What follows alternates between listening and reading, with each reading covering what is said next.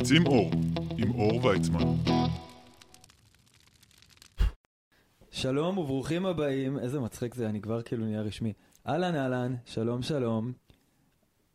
אני ניסיתי עם הבן אדם הזה לעשות פודקאסט לפני עשר שנים. עוד לפני שכל זב חוטם. עשינו, עשינו עשינו. לפני שכל אידיוט עם מצלמה. ומיקרופון.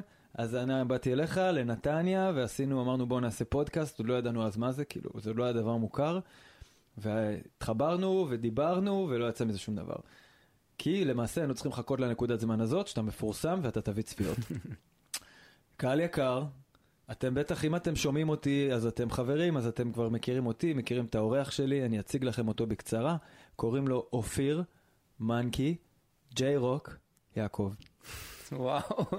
אתה רוצה עוד שמות? אני לא יודע כאילו איך לקרוא לך, אתה כל, כאילו בכל דבר שאתה עושה אתה ממתג את עצמך עם שם אחר. כן, נכון. מי אתה? היום. אז אה, קודם כל שאלה יפה מי אתה היום, זה רק מראה על זה שאתה רואה את ההשתנות של הדברים. אה, ואין דרך לענות על זה.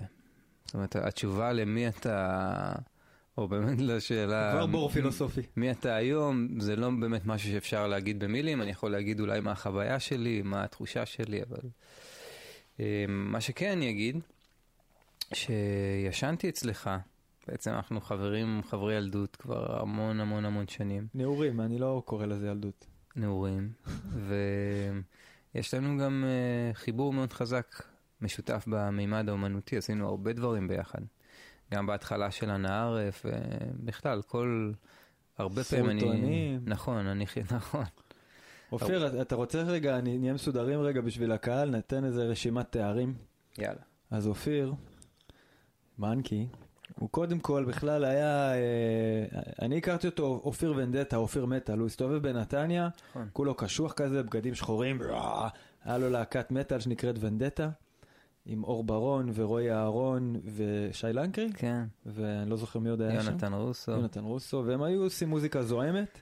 נכון. ובאותו הזמן אופיר היה מטפס על אה, קירות ועל סלעים.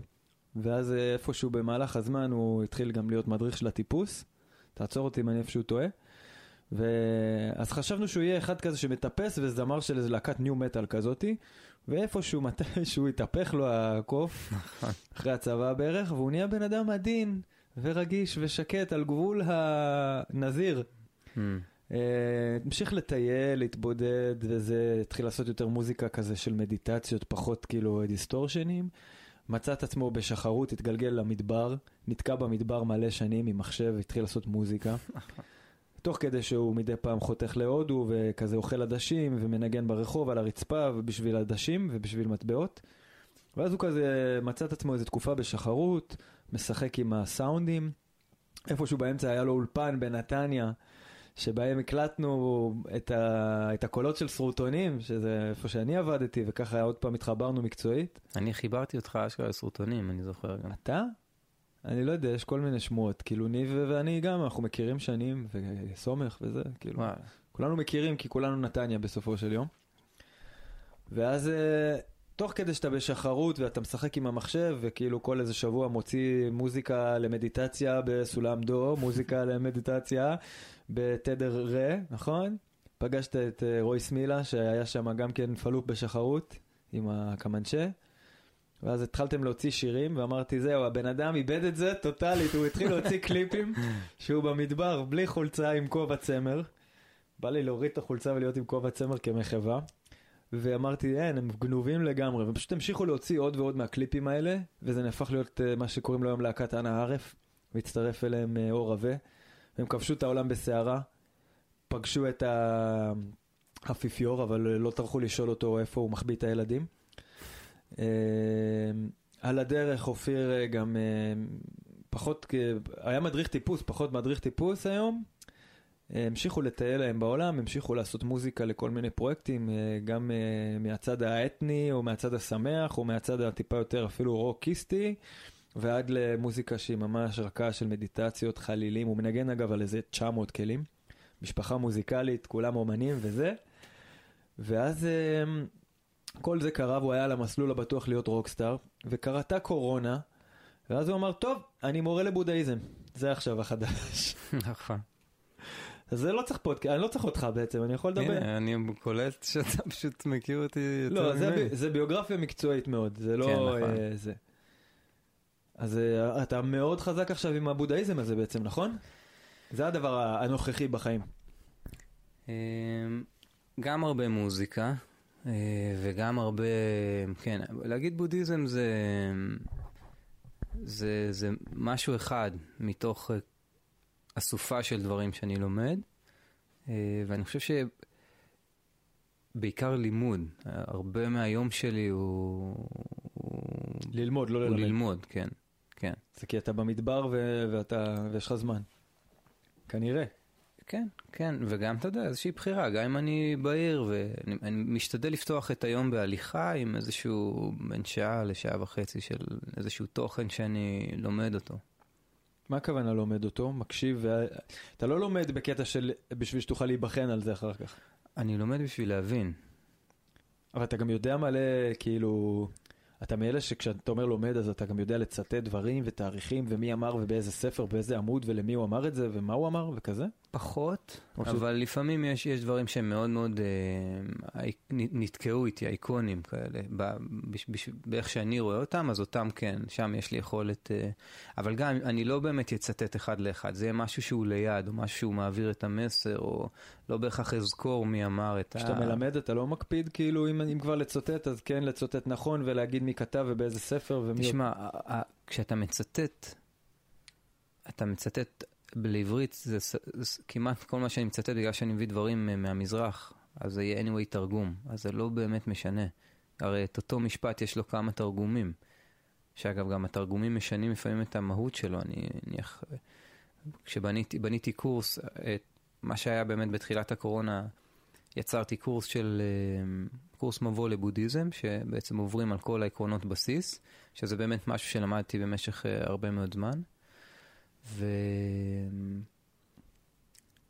וביקשו שאני אעשה קורס המשך, ואמרתי, טוב, אני לא... אם אתם רוצים להמשיך, אני אפתח קורס חדש, אבל על הדאו. ובדאו, פתאום התחלתי להבין שה... בעצם, כשאתה קורא תרגום, אתה נותן לגיטימציה לבן אדם את עצמו. לשנות, כן, ולהביא את עצמו. לפעמים זה, כמובן, כמו כל דבר, זה לטוב ולרע. הרבה פעמים זה עוזר לך להבין משהו, אבל לפעמים, לפעמים זה משהו שהוא צר יחסית לכוונה הרחבה יותר של מי שכתב את זה במקור. בייחוד אם מתרגמים נגיד מסנסקריט לדוגמה, נניח. שזו שפה שכל מילה אומרת 40 דברים לעברית.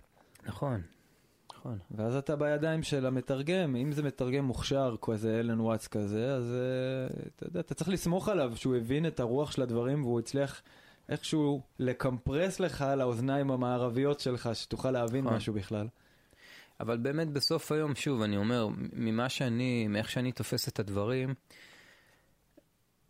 יש, יש, יש רעיונות שברגע ש, שזה העניין, אתה צריך להבין את הרעיון. כן, הנה עכשיו אני יכול לצטט לך אה, את ג'ואנג צה, שאומר, אה, ג'ואנגס? ג'ואנג צה. ג'ואנג צה, משפחת צה הידועה. כן, צה, למה אתה אומר צה הידועה? כי גם יש את לאו צה, כן, וצה זה חכם. הבנתי. אז לאו צה זה החכם לאו, וג'ואנג צה זה החכם ג'ואנג. הבנתי, זה לא כהן. זה לא... לא. יש שם, כן. כשהוא מגיע מהדאו, הוא בעצם הממשיך של לאו צה מבחינת המסורת, הוא בערך 250 שנה אחריו. והוא כתב ספר שתורגם פעמיים לעברית, פעם אחת הוא נקרא אה, קולות האדמה, זה חלקים ספציפיים אה, מהסופה היותר רחבה, והסופה הרחבה נקראת אה, הספר האמיתי של פריחת הדרום. וזה לא כמו הדאו, ששם זה ספר שירה, לא כמו ספר הדרך והסגולה שאנחנו קוראים לו ספר הטאו, אה, או הדאו, זה לא משנה, זה רק תעתיק אה, שהשתנה בשנות ה-70. זה משהו יותר עשיר, עם יותר סיפורים ויותר נונסנס, ממש אה, הרבה מאליסה בארץ הפלאות שאוב משם, ויש שם הומור כזה מאוד, מאוד כיפי. ושם באמת הם מדברים על הקטע הזה, הם אומרים, מכמורת היא אמצעי ללכוד אה, דגים, תפסת את הדג, אפשר לשכוח מהמכמורת. מהמם. אה, או אלן וואטס אמר, once you get the message, hang up the phone. כן, כן, אז זה, זה, זה משם מה שקרה. ובהמשך של זה הוא אומר, אתה יודע, חכה זה אמצעי, לא חכה, אה, מלכודת זה אמצעי לתפוס ארנבת, תפסת את הארנבת, אתה שוכח מהמלכודת, והוא מסיים בזה שהוא אומר מילים זה אמצעי לתפוס רעיון. תפסת את הרעיון, אפשר לשכוח מהמילים. מהמם. ואחרי זה הוא בא ומביא עוד איזה טוויסט ואומר, תביא לי בן אדם ששכח את המילים בשביל שאחליף איתו איזושהי, איזה, איזה מילה. כן, זה נכון, אני, אני אישית גם נופל לפח של הוויכוח הסמנטי מלא פעמים. כן. בכלל, אני... למה אני מתווכח, אופיר? יש לי שאלה, אתה איש חכם. למה אני מתווכח? למה אני נקלע לוויכוחים? אני מניח שיש איזושהי תפיסה שלך, אה, איזושהי הזדהות שלך עם עמדה. כן, אבל בערב אני מתווכח מצד א', ובבוקר אני מתווכח את אותו ויכוח מצד ב'. כן, שוב, אתה הרבה פעמים נובע, מונע מתוך מקום של פשוט לאזן, להביא איזשהו ריבאונד כזה לוויכוח, כי אתה באיזשהו מקום בפנים אתה יודע שאין אמת. וכל פעם שמישהו אומר ימין, הוא יוצר את שמאל באותה נשימה. כשמישהו אומר לי, אחי, החיים חרא, אני כזה, לא, אחי, תסתכל עליהם, הם גם יפים. ובערב הוא אומר לי, אחי, החיים יפים, אני כזה, אחי, היה מזוהם וכולם כן. עם מסכות. אז זה באמת מזכיר גם, אה, יש מורה מאוד גדול, שפעם אחת אה, ג'ק קורנפילד, אה, שהוא סופר אה, אמריקאי שנסע ולמד בודהיזם אה, במזרח, הוא מספר שהמורה, הוא הלך לאחד המורים שלו, ובערב, בבוקר, סליחה, כמו שאתה אומר, מישהו שאל אותו מה לעשות, אז הוא אמר לו תעשה ככה, ובערב מישהו שאל אותו מה לעשות, הוא אמר לו תעשה הפוך לחלוטין. אז הוא אמר לו, מה, בוא, איך? איך? וזה היה בבוקר, זה כן. בערב. אז הוא? אומר לו, תשמע, אתה יודע, זה בן אדם אה, הולך, ופעם אחת הוא מועד ימינה, ויש, אה, כאילו, אתה אומר לו, "אוי, בוא בוא בוא שמאלה, ופעם אחת הוא מועד שמאלה, אתה אומר לו, בוא בוא, בוא. אה, הבנתי, אתה מיישר אותו כאילו. כן, וזה מה שאתה עושה. כי אתה יודע שזה לא, החיים הם לא יפים, והם לא באסה. הם, אם הם יפים אז הם גם באסה, ואם הם גם באסה אז הם יפים, זה בא ביחד. ובשביל זה יש בכלל איזשהו, נראה לי, אני לא יודע, אבל אני מניח שיש בכלל צורך לאזן את הסיטואציה, רק להזכיר שהדברים הם לא כותבים, הם לא דיכוטומיים. אז אני, אוקיי, יש לי שאלה שמגיעה מהדבר הזה. אני מרגיש שהרבה מהתורות שאתה מלמד, הם כאילו מנסות לשים אותך באיזשהו center אל מול הסערות. באיזשהו מין כאילו שלוות נפש אל מול הסערות של החיים, בין אם זה שמחה גדולה ובין אם זה עצב גדול. השאלה אם זה לא משאיר אותך אדיש, והאם כשמגיע שמחה, אתה לא מעדיף להגיד, רגע, רגע, אני מבין שעדיף להישאר אדיש להכל, אבל כששמחה בוא נשמח אותה עד הסוף. כשרע בוא נישאר אדישים. אתה מבין אתה, למה אני, לאן אני כן. חותר פה? אז לאכול את הסרט עד הסוף, או כאילו להסתכל עליו מהצד ולהיות כזה מאוד זן? אז זה, זה קודם כל זו שאלה מאוד יפה ומאוד, uh, התשובה, זה מכיל משהו מאוד מעודן. בעצם אתה רוצה להשתתף ב, במשחק, אתה רוצה להשתתף במשחק, הנה אני עושה איתך פודקאסט. אתה רוצה לחייך ולשמוח ולצחוק כן, ולרקוד, ולרקוד. אבל בשביל זה זה אומר שאתה חייב גם לבכות ולסבול נכון. ולהתבאס. רגע, רגע, אבל זה, כל זה, לרקוד ו... אה, סליחה, לצחוק ולבכות זה היינו הך. זה היינו הך.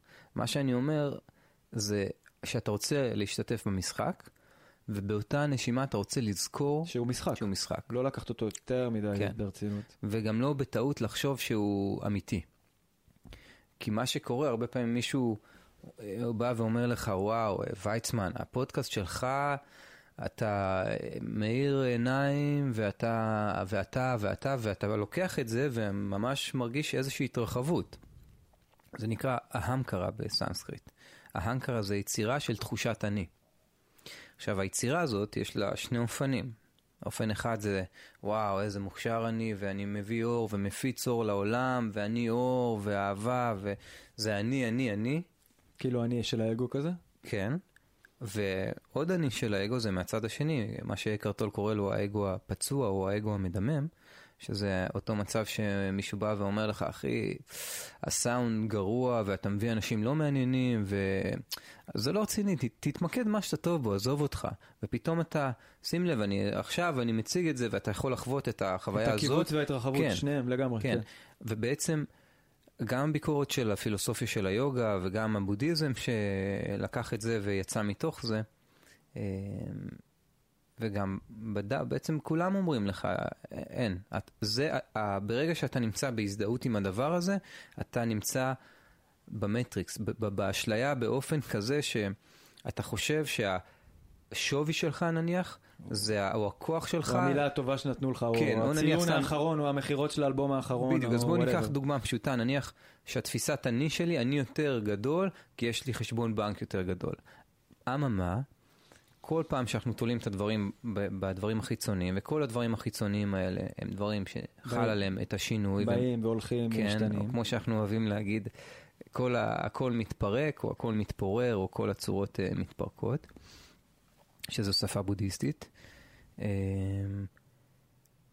כשאתה, או אם אתה מאבד את, ה, את החשבון בנק הזה, אתה יכול uh, כל כך לשקוע בתוך האשליה שאולי אנשים מסוימים יבחרו להתאבד. כי בתפיסה שלהם הם איבדו את האני, האני שלהם נפגע ברמות שהם כבר לא שווה להם להתקיים. וזה בעצם רק בגלל שהם לא רואים נכוחה את המציאות. אני, אני, אני ממש תומך בלהתאבד, אבל לא מהסיבה הזאת. כאילו. אני אומר, תתאבד כי, כי אתה מבין שהחיים הם קשים והם למי שבא לעבוד כאן. או בא, בא, בא להשקיע בהם, נגיד. ואז אתה אומר, לא בא לי להשקיע, אז אני זה. אבל להגיד, אתמול הפסדתי בבורסה, אז אני אתאבד, זה מטופש, כי הבורסה עולה ויורדת. כן, אבל עדיין זה קורה. הרי, תראה, ההודים יסתכלו עליך ויגידו, תשמע, להתאבד זה מטופש. נכון, אתה תחזור שוב, בדיוק. ואתה תהיה הקרב הפעם. כי בגישה שלהם אתה תחזור עם מה ש... איך שאומרים גם הבודהיסטים וגם אתה ההודים. כאילו נשאר כיתה. כן, בדיוק. אתה נשאר בשיעור, ככה, אתה חוזר, ואולי ככה, אפילו הפעם ככה. אתה תגיד, וואלה, אני מעדיף את הפרצוף של הגלגול הקודם שהיה לי. ובעצם הם אומרים שכל הקשיים, כל הסבל שאנחנו הדוקה? כן, הדו... יפה. יפה. כל הסבל הזה ש... שאנחנו חווים בעולם הזה, כל הקשיים האלה, זה ממש כמו תוכניות שה...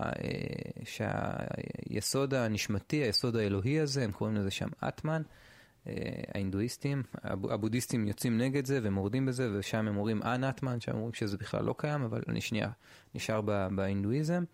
הם אומרים שזה משהו שהנשמה מבקשת באופן מדויק בדיוק את זה, כי זה השיעורים שלה, זה המערכת שעות שלה, כן? כמו שאתה הולך לבית ספר ולומד את מה שאתה לומד בשביל להתפתח, אז אלו השיעורים שאתה צריך לעבור בשביל לה- להתפתח ברמה, לא יודע, אולי רוחנית אפשר להגיד, אה, ובעצם להגיע ל...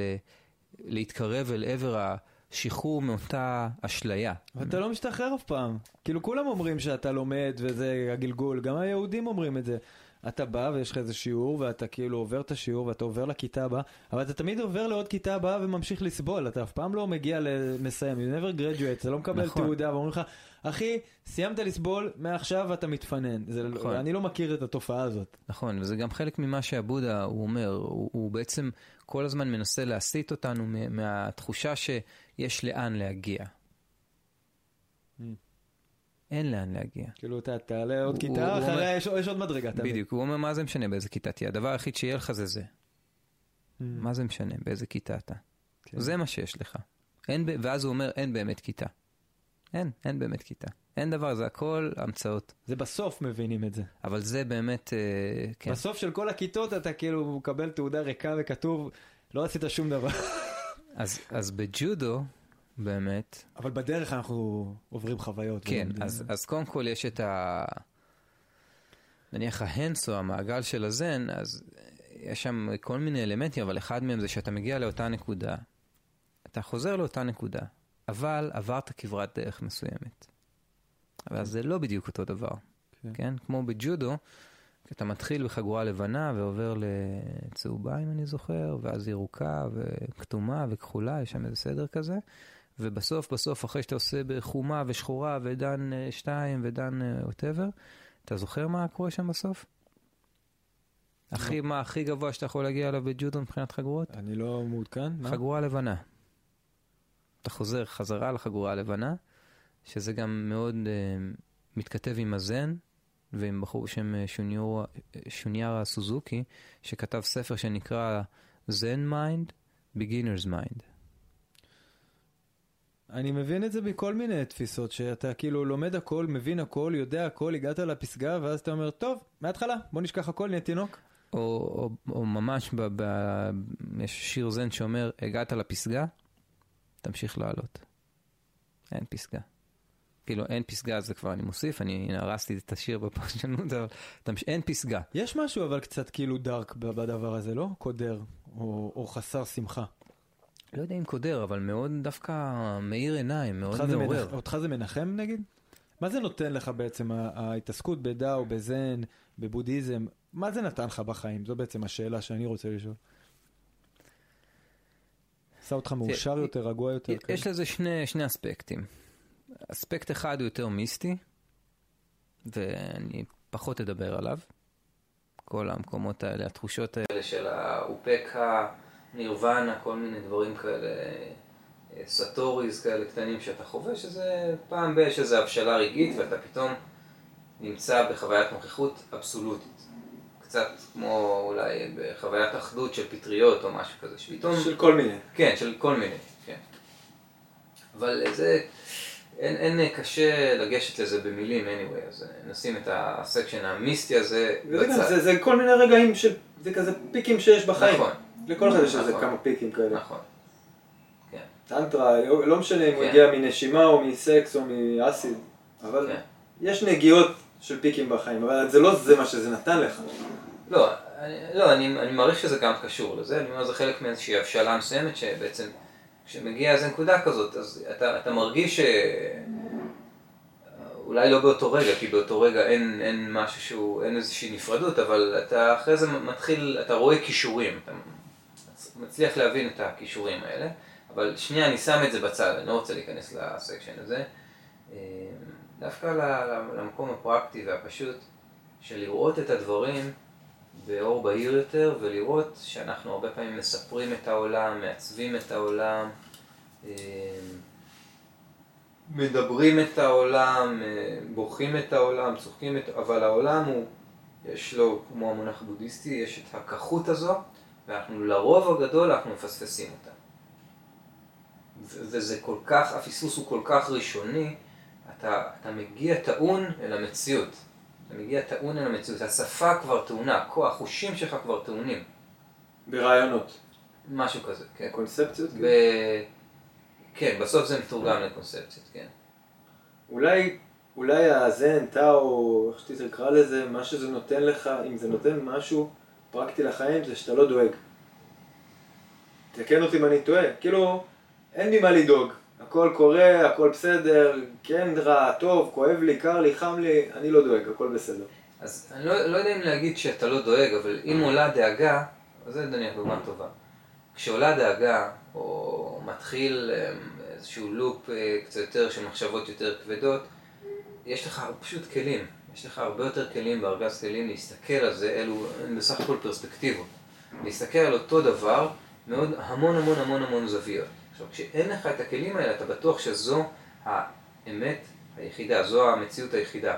איבדתי את הכסף, ואני עכשיו מבן אדם מצליח ועשיר ומפורסם וגדול, הפכתי למישהו שידוע לשמצה ונהיה מפסידן ומתכתב ומתקשר עם כישלון.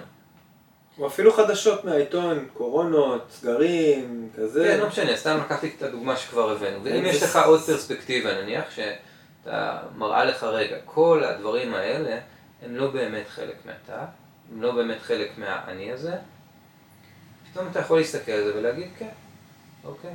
שוב, כמובן, אחרי שנים שהקדשת את עצמך ללימוד הזה, אתה יכול לראות את זה ולהגיד כן, נכון, הנה זה היה ועכשיו זה נעלם, וזה גם הטבע של הדברים, זה הטבע של הדברים. החשבון בנק הזה, גם אם הוא יישאר, אני אעלם. זה, anyway, אתה בסוף, דבר איני לוקח מה, מהשיר. כן. כן. כמובן שזה לא משנה אם אה, הבן שלך עכשיו, אה, לצורך העניין, הלך, אתה לא יודע איפה הוא, כן. אתה ב... אתה בכאילו תאומות של חרדה עכשיו, זה לא יעזור כלום, לא משנה כמה טאו אתה יודע וכמה ספרי גרד, אם אתה חרד כי אתה לא יודע איפה הבן שלך עכשיו, אתה חרד כי אתה לא יודע איפה הבן שלך עכשיו, זה יותר חזק הדברים האלה. לפעמים, אה, כן, נכון. הרבה, לרוב אפילו אולי אתה צודק.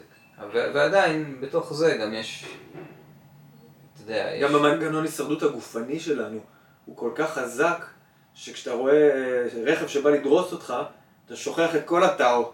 אתה פאקינג, אתה טס משם, כאילו, זה... כן, אבל שוב, זה לא סותר, זה, זה לא, טאו זה לא לעמוד מול רכב שבא לדרוס אותך ולהגיד, אה.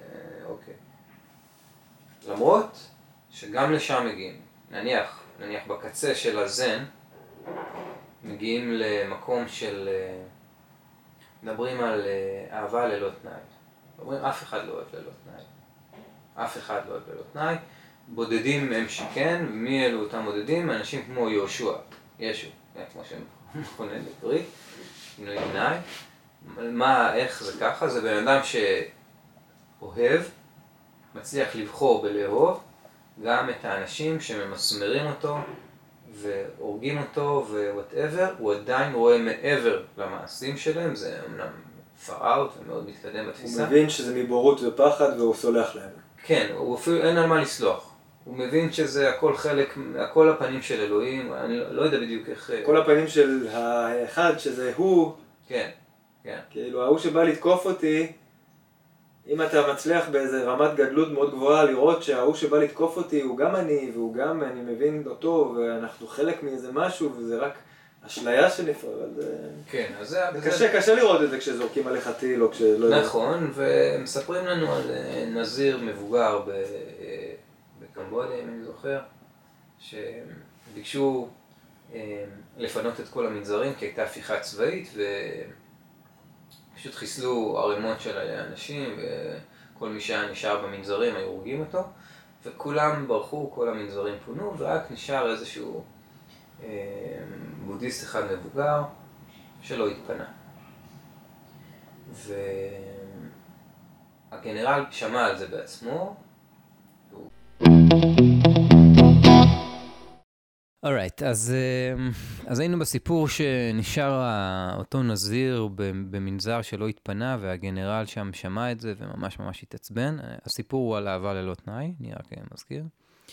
והוא מגיע אליו והוא נכנס לשם והוא אה, ככה עם, ה...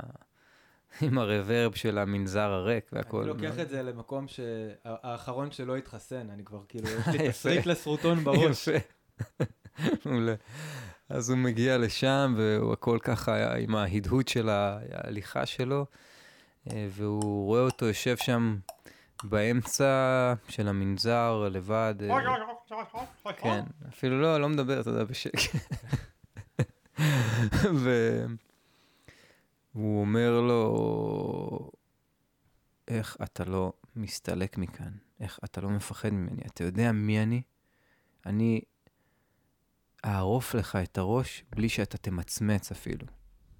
ואז הבחור הבודהיסט הזה מסתכל עליו, אומר לו, גם כן ראש. ואתה יודע מי אני? הוא אומר לו, אני זה שאתה תערוף לו את הראש, והוא לא ימצמץ. זה, זה אהבה ללא תנאי, זה המקום הזה. נראה לי ביצים ללא תנאי. זה, שוב, זה הקצה, זה הקצה. פשוט כמה פעמים אנחנו משתמשים בזה ב, בקונטקסט זוגי ואומרים, ממי, אני אוהב אותך ללא תנאי, אבל אם בטעות היא לרגע תסתכל בזווית קצת אה, מחמיאה מדי על מישהו, פתאום התנאים יקפצו עליך.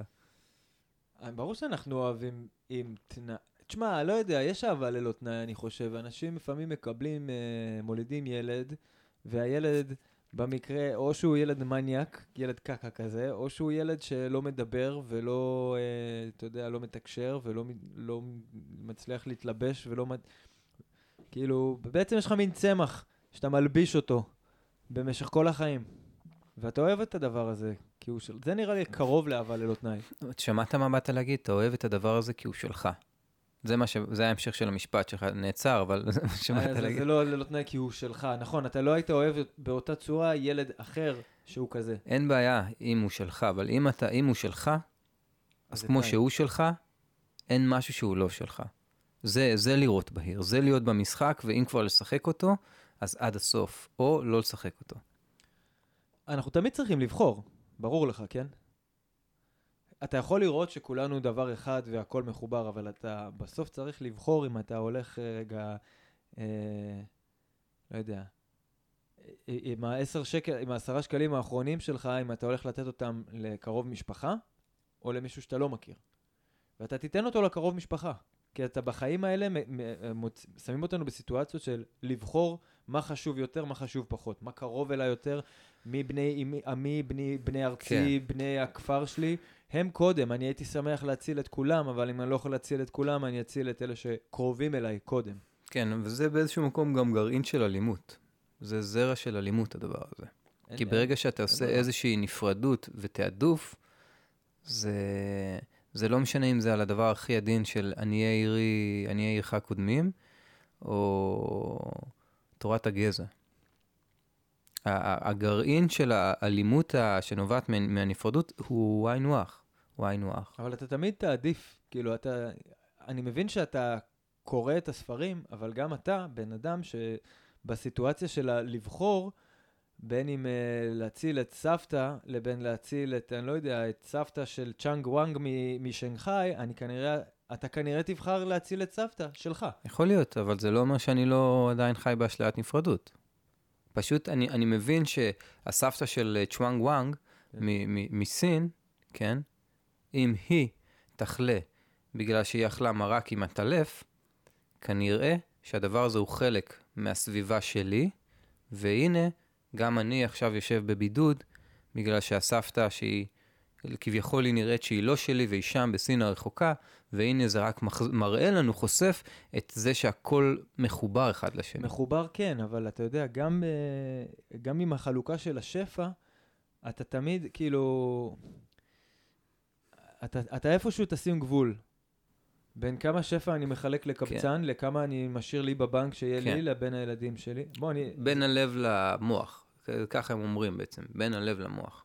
מה זה הלב, מה זה המוח? הלב זה הוא שרק רוצה לתת, קחו הכל, הכל, הכל. כן, והמוח אומר. רגע, מה עם מחר? אני אתן לך סיפור מצחיק, ככה אפיזודה, איך זה נקרא? אה, סיטואציה. אז לפני איזה יום-יומיים אני נוסע בכביש, עוצר בצומת הקבוע, בצומת שזה כזה בכניסה לנתניה בכביש החוף, יש אה, קבצנים. אני לרוב אה, נותן להם, כי טוני רובינס חינך, חינך אותי לנתינה, ממש, ככה. אף אחד אחר לא חינך אותי ככה לנתינה כמו שטוני חינך אותי. ויש שם את הבן אדם הקבוע, הנפאלי, שאני בדרך כלל נותן לו כמה שקלים, ויש את הארס הקבוע, ויש שם איזה שניים, שלושה קבועים. ואז היה אחד חדש, ואני כמה פעמים כבר uh, חשבתי על הדיון הידוע, אל תיתן להם, זה רק לסמים, אל תיתן להם, הם לא רוצים לעבוד, זה רק מעודד אותם, הם עובדים בזה, אחר כך הם הולכים, ויש להם כזה תחנת עבודה מסודרת של קבצנים, ש... מלא סיפורים שאנשים אומרים לך, כאילו, למה לא לתת? יכול להיות שגם הכל אמת, והוא באמת יקנה בזה רק סמים, וזה כבר דיון אחר. אני בדרך כלל, יש לי לתת, אני נותן. השאלה גם באמת אם משהו יעשה, אם זה, זה, זה משנה. הבעיה שלך, זה השאלה כן, זה- שלך. שאלה מה, מה העניין, הוא, הוא רק לתת, וגם אני רק מזכיר שזה באמת אה, גם ביקורת, אה, גם של פילוסוף מודרני שנקרא ויטקנשטיין, וגם של הבודהיזם, שהם אומרים, אין, המילים הן ריקות, אין באמת איכות ל, גם למילים וגם לרעיונות שעומדים מאחוריהם. אי אפשר אומרת, לאכול פיקסלים. משהו כזה, נכון, אי אפשר לאכול את התפריט, אבל אה, שנייה, אני רק אחבר את זה. לתת זה לא בהכרח טוב. אתה יכול לתת גם מכות, אתה יכול גם לתת סמים, אתה יכול לתת הרבה דברים שהם... אתה יכול לפנק מישהו על הרמה שהוא לא ידע איך ל- להתפתח בעצמו. נכון, נכון, נכון, הנה דוגמה מעולה. אז צריך לזכור, זה עוד פעם, זה הראייה הבודהיסטית הזאת של הריקות, צריך לזכור שהדברים הם ריקים, וכל פעם בעצם אתה מגיע אל המציאות הריקה הזאת, ואתה צובע אותה כל פעם מחדש, כל פעם מחדש, כל פעם מחדש, ואתה לא בא ואתה אומר, רגע, אני מגיע עם טוני רובינס והמנטרות, בדיוק. לא, אולי להוא אני אתן ולהוא אני לא אתן, אולי היום ככה, ואולי... בדיוק, אני. בתכלס, כאילו, הרבה פעמים זה גם... אני, אני בוחן דרך זה את המצב רוח שלי או את התדר שלי. לפעמים אני כאילו, כך, ברור, אם יש לי כך, ולפעמים אני במצב רוח מזופת ואני לא רוצה לתת. או כן. לפעמים אני... בדיוק אה, ראיתי שאני במינוס בבנק, אז אני לא מוכן לתת לו את העשרה שקלים שיש לי באוטו. אתה מבין שזה גם אבסורד, כי יש לי עשרה שקלים באוטו. אבל זה לא הסיפור המצחיק. הסיפור המצחיק זה שעם כל המחשבות האלה, אני בדרך כלל פשוט מעדיף לתת, כי אני, תכלס, גם טוני חינך אותי, אני מאמין בקרמה של הנתינה. ואז אה, אני נוסע, אני עומד בצומת, מגיע איזה קבצן חדש, נראה שבור, נרקומן, הולך כפוף, אין לו שיניים, מה שאתה לא רוצה. הוא מגיע אליי, הוא קולט אותי שאני קולט אותו, שהוא קולט אותי שאני קולט אותו. ואני פותח את הארנק, בדרך כלל אני כבר יודע אם יש לי, אם יש לי מזומן, כמה שקלים אני אתן. אפילו אם יש לי יותר מכמה שקלים, אני כאילו לפעמים מגדיל לעשות, ואני בא נותן לו 20 שקל, שטר. עכשיו הוא רואה, כנראה הוא ראה גם שיש לי עוד בארנק, ואז הוא מתחיל להגיד לי, אחי, אני, אני חולה, אחי, אני רעב, תעזור לי, לבת שלי יש סרטן, ואין לנו גז, ואין לנו כסף לזה, וכאילו, זה זרק על איזה 100 דברים בבת אחת, ואני כאילו, בסדר, מוציא לו עוד 20, נותן לו 40 שקל עכשיו. כבר בשלב הזה יש אנשים ששומעים את זה ואומרים, ש... חושבים שאני אידיוט.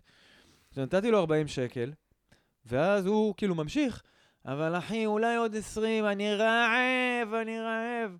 ואז חשבתי, רגע, אתה רעב? בוא נראה אם הוא ירצה אוכל. במקרה, היה לי חצי אבוקדו באוטו. חצי אכלתי והיה לי עוד חצי שתכננתי לאכול יותר מאוחר. ואם יש לי אוכל במקרה באוטו, אני, אני אתן אותו. רק כדי לראות אם הבן אדם באמת רוצה אוכל או שהוא סתם רוצה את הכסף לקנות מנה. לא, גם כי אתה בן אדם מקסים, שנותן. כאילו, הנה, אתה יוצא פה בן אולי אדם... אני רוצה לספר לעצמי את הסיפור הזה כדי לכפר על המקומות שבהם אני חושב שאני בן אדם חרא. אולי, אבל עדיין בפועל אתה גם נותן. אז, אז אני... אז נתתי לו 40 שקל, ואז הוא אומר לי, אני רעב, והרמזור לא מתחלף משום מה. אז אני כזה, הנה, קח אבוקדו. עכשיו הוא מסתכל על האבוקדו, אני לא אוכל אבוקדו. אני כזה, למה? מה, תראה, זה בריא, זה, זה אחלה, זה אוכל, אתה רעב, זה, זה, זה... אתה לא צריך לבשל את זה, זה לא כלום, זה חתוך, פתוח, אתה יכול לאכול את זה עכשיו. אה, יש לי סוכרת, אני לא יכול לאכול אבוקדו. אני כזה, סוכרת? אחי, מה הקשר בין סוכרת לאבוקדו? כאילו, קלטתי שהוא מתחיל לחרצת אותי, ואז הוא אומר, אחי, אני, אין לי שיניים! ואני כזה, אז זה אבוקדו רך, יש משהו שאתה לא צריך שיניים, זה זה. בקיצר, בשלב הזה הוא כאילו עצבן אותי, הבנתי שהוא אשכרה מנסה, שכאילו זה לא מספיק כן. לו למנת אה, הרואין הבא, סתם אומר הרואין. וכאילו אמרתי לו, אחי, קיבלת, יאללה, תשחרר, סע, תן גז, תגיד תודה. כן. וזה עצבן, אבל זה גם, באמת גרם לי לחשוב על כאילו... אני נותן, אני נותן כי אני רוצה לתת, אני נותן כי יש לי איזה סיפור על עצמי שאני כן, אה, אדם נכון. נאצל אם אני נותן, אני אוהב לספר את זה בפודקאסט אחר כך, ושיגידו וואי, אור איזה בן אדם מקסים הוא. המון שאלה עם מאחורי הנתינה הזאת, זה לא נקי, זה לא כמו שילד פשוט, אה, קח. כן. אתה יודע, יש, יש הרבה סיפור ובולשיט ומאחורי זה. כן, האמת שיש תרגול בודהיסטי מאוד uh, מצחיק וחמוד בעניין של uh, לאמן את הנתינה. אתה מחזיק אה, שרשרת או צמיד, ואתה מעביר אותו קודם כל מיד אחת ליד השנייה. ו? זה, זה הנתינה כאילו הכי, הכי קלה כשאתה mm-hmm. מתחיל. ואז בהמשך של הלימוד אתה בעצם מתחיל לראות שכולנו איברים אחד של השני. כן. אבל בטח אם היית בהודו, ואני יודע שהיית, ובכלל במזרח, בכלל ראית עולם לא, יותר מהרבה אנשים, אז זה לא כמו פה בנתניה שיש לך קבצן אחד-שניים. אתה נותן שם לאחד, באים 400. נכון. וכאילו, אתה לא יכול, אתה לא יכול לעזור לתקן, אתה לא יכול. כן, זה, זה לא שגם אם תיתן למישהו 40 או 60 שקלים... אתה תפתור איזשהו משהו בעולם הזה, הם כאילו רבים מספור, הם כמו ככל על שפת הים העניים שם. נכון, אבל אז עדיין... אז השאלה אם אתה נותן או לא נותן, ולמי, ומתי.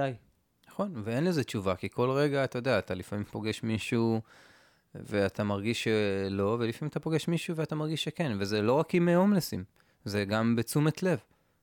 שאתה פוגש בן אדם, ואתה לפעמים, אה, אתה תופס אותו בתור, הוא לא מעניין, הוא, הוא משעמם, הוא obvious, הוא וואטאבר, מה שאתה בוחר לצבוע אותו, ואתה לא נותן לו תשומת לב, אתה לא נותן לו uh, קשב, אתה לא נותן לו אהבה, זה, זה שזה חומר, זה לא, לא משנה. אנחנו יכולים לתת הר, הרבה מאוד דברים, ולפעמים להפך, לפעמים לתת, נניח רגע להיות עם מישהו, זה, זו נתינה שהיא הרבה יותר חזקה באימפקט שלה, מלתת למישהו כסף. תחשוב על אבא שבאיזושהי פעולת פיצוי כל הזמן נותן כסף לבן שלו, כי אין לו זמן להיות איתו. אה, אז הבן בסוף אה, אומר, איפה אבא שלי? כן. אז אני אומר, אז, אז יש עוד המון מימדים לא חומרים של, של נתינה. אפשר, אפשר לדבר לא מעט על הקטע הזה שלפעמים הדבר הכי טוב לעשות עם מישהו זה להיות לידו, מה שנקרא להחזיק לו מרחב. כן. הרבה נשים, הרבה פעמים, אה, אתה יודע, יש להם את התלונה הזאת אה, כלפי הגבר שלהם, שכאילו, את תנסה לפתור, או להציע עצה, או להגיד לי, יהיה בסדר, או ללטף אותי, או, או לקחת לי את התשומת לב למקום שמח יותר. תהיה איתי, אני עכשיו צריכה לספר את הסיפור שלי על מי שעצבנה אותי בעבודה, ואני רוצה שתשב פה ותשמע. נכון. אנחנו לא כל כך יודעים לעשות את זה. נכון, ובלי לתת טיפים, ובלי לייעל, ובלי כלום, פשוט להקשיב ולהכיל. זה, אני חושב, מאוד קשה. זה לרוב הדבר הנכון ביחסים, במשפחה, בחברים, בהורות וזה, וזה מאוד קשה. אנחנו, קודם כל, קשה לנו להכיל את הסבל הבלתי יתואר של מישהו שמולנו. הילד בוכה, אנחנו רוצים שהוא יפסיק לבכות, זה רע, זה לא, לא מתאים לי שהוא בוכה, כן. כאילו, זה לא נעים לי, האישה בוכה, ההוא סובל. אתה רוצה או לתת לו עצה, או להגיד לו, אתה יודע מה, אחי, תפגוש את ההוא, תדבר עם הרופא כן. הזה, זה, או שאתה...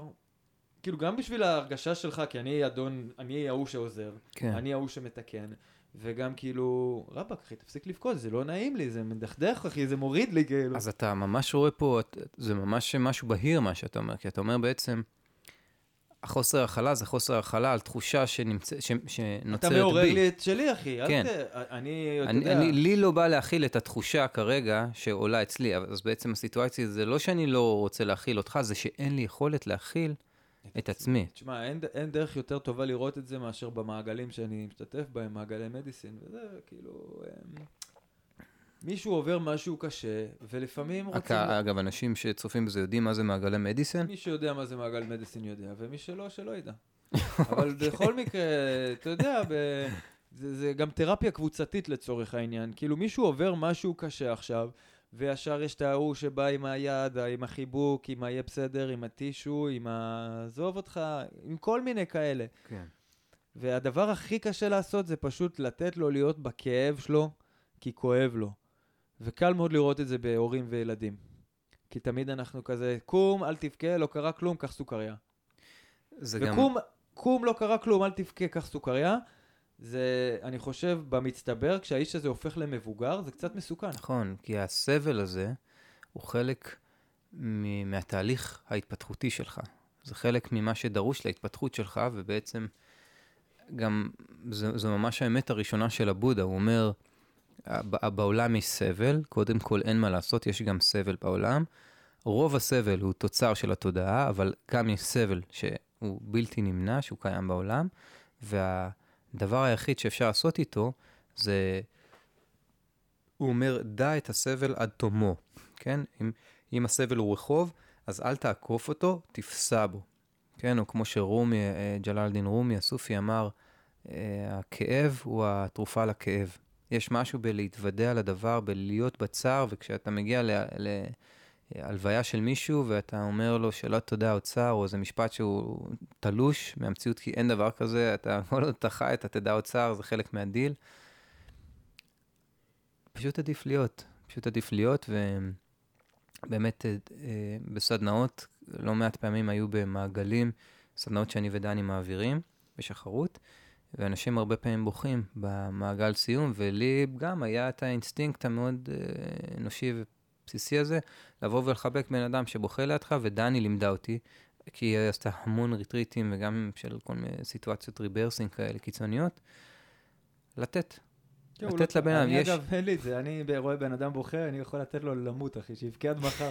אין לי את האינסטינקט של לבוא לך, אני להפך, אני מפחיד אותי, הוא בוכה, אחי, איך אני אדע לגשת אליו? גם יש איזשהו, כמו איזה שק אנרגטי שצריך להשתחרר. לגמרי. אתה יודע, זה, זה לא, אין מה לעצור את התהליך, זה כמו שאתה לא, מפריע זה- למישהו באמצע השתן. אתה יודע, זה, זה צריך... קקי, הוא מוציא, זה בריא, כן, עזוב אותו. לגמרי. ת- לא צריך לחבק מישהו בזמן שהוא עושה קקי. אבל תשמע, מצד שני, ויש כל מיני אה, אסכולות של אה, בואו לא ננבור בלופ של הדרמה שלנו מעבר למה שצריך. כן. ויש אנשים שמכורים לדרמה שלהם, ובאותו הרגע דווקא מה שהמטפל צריך כאילו להגיד להם זה, בוא רגע נצא מהלופ ונתמקד במשהו חיובי יותר. אם הם באו לטיפול.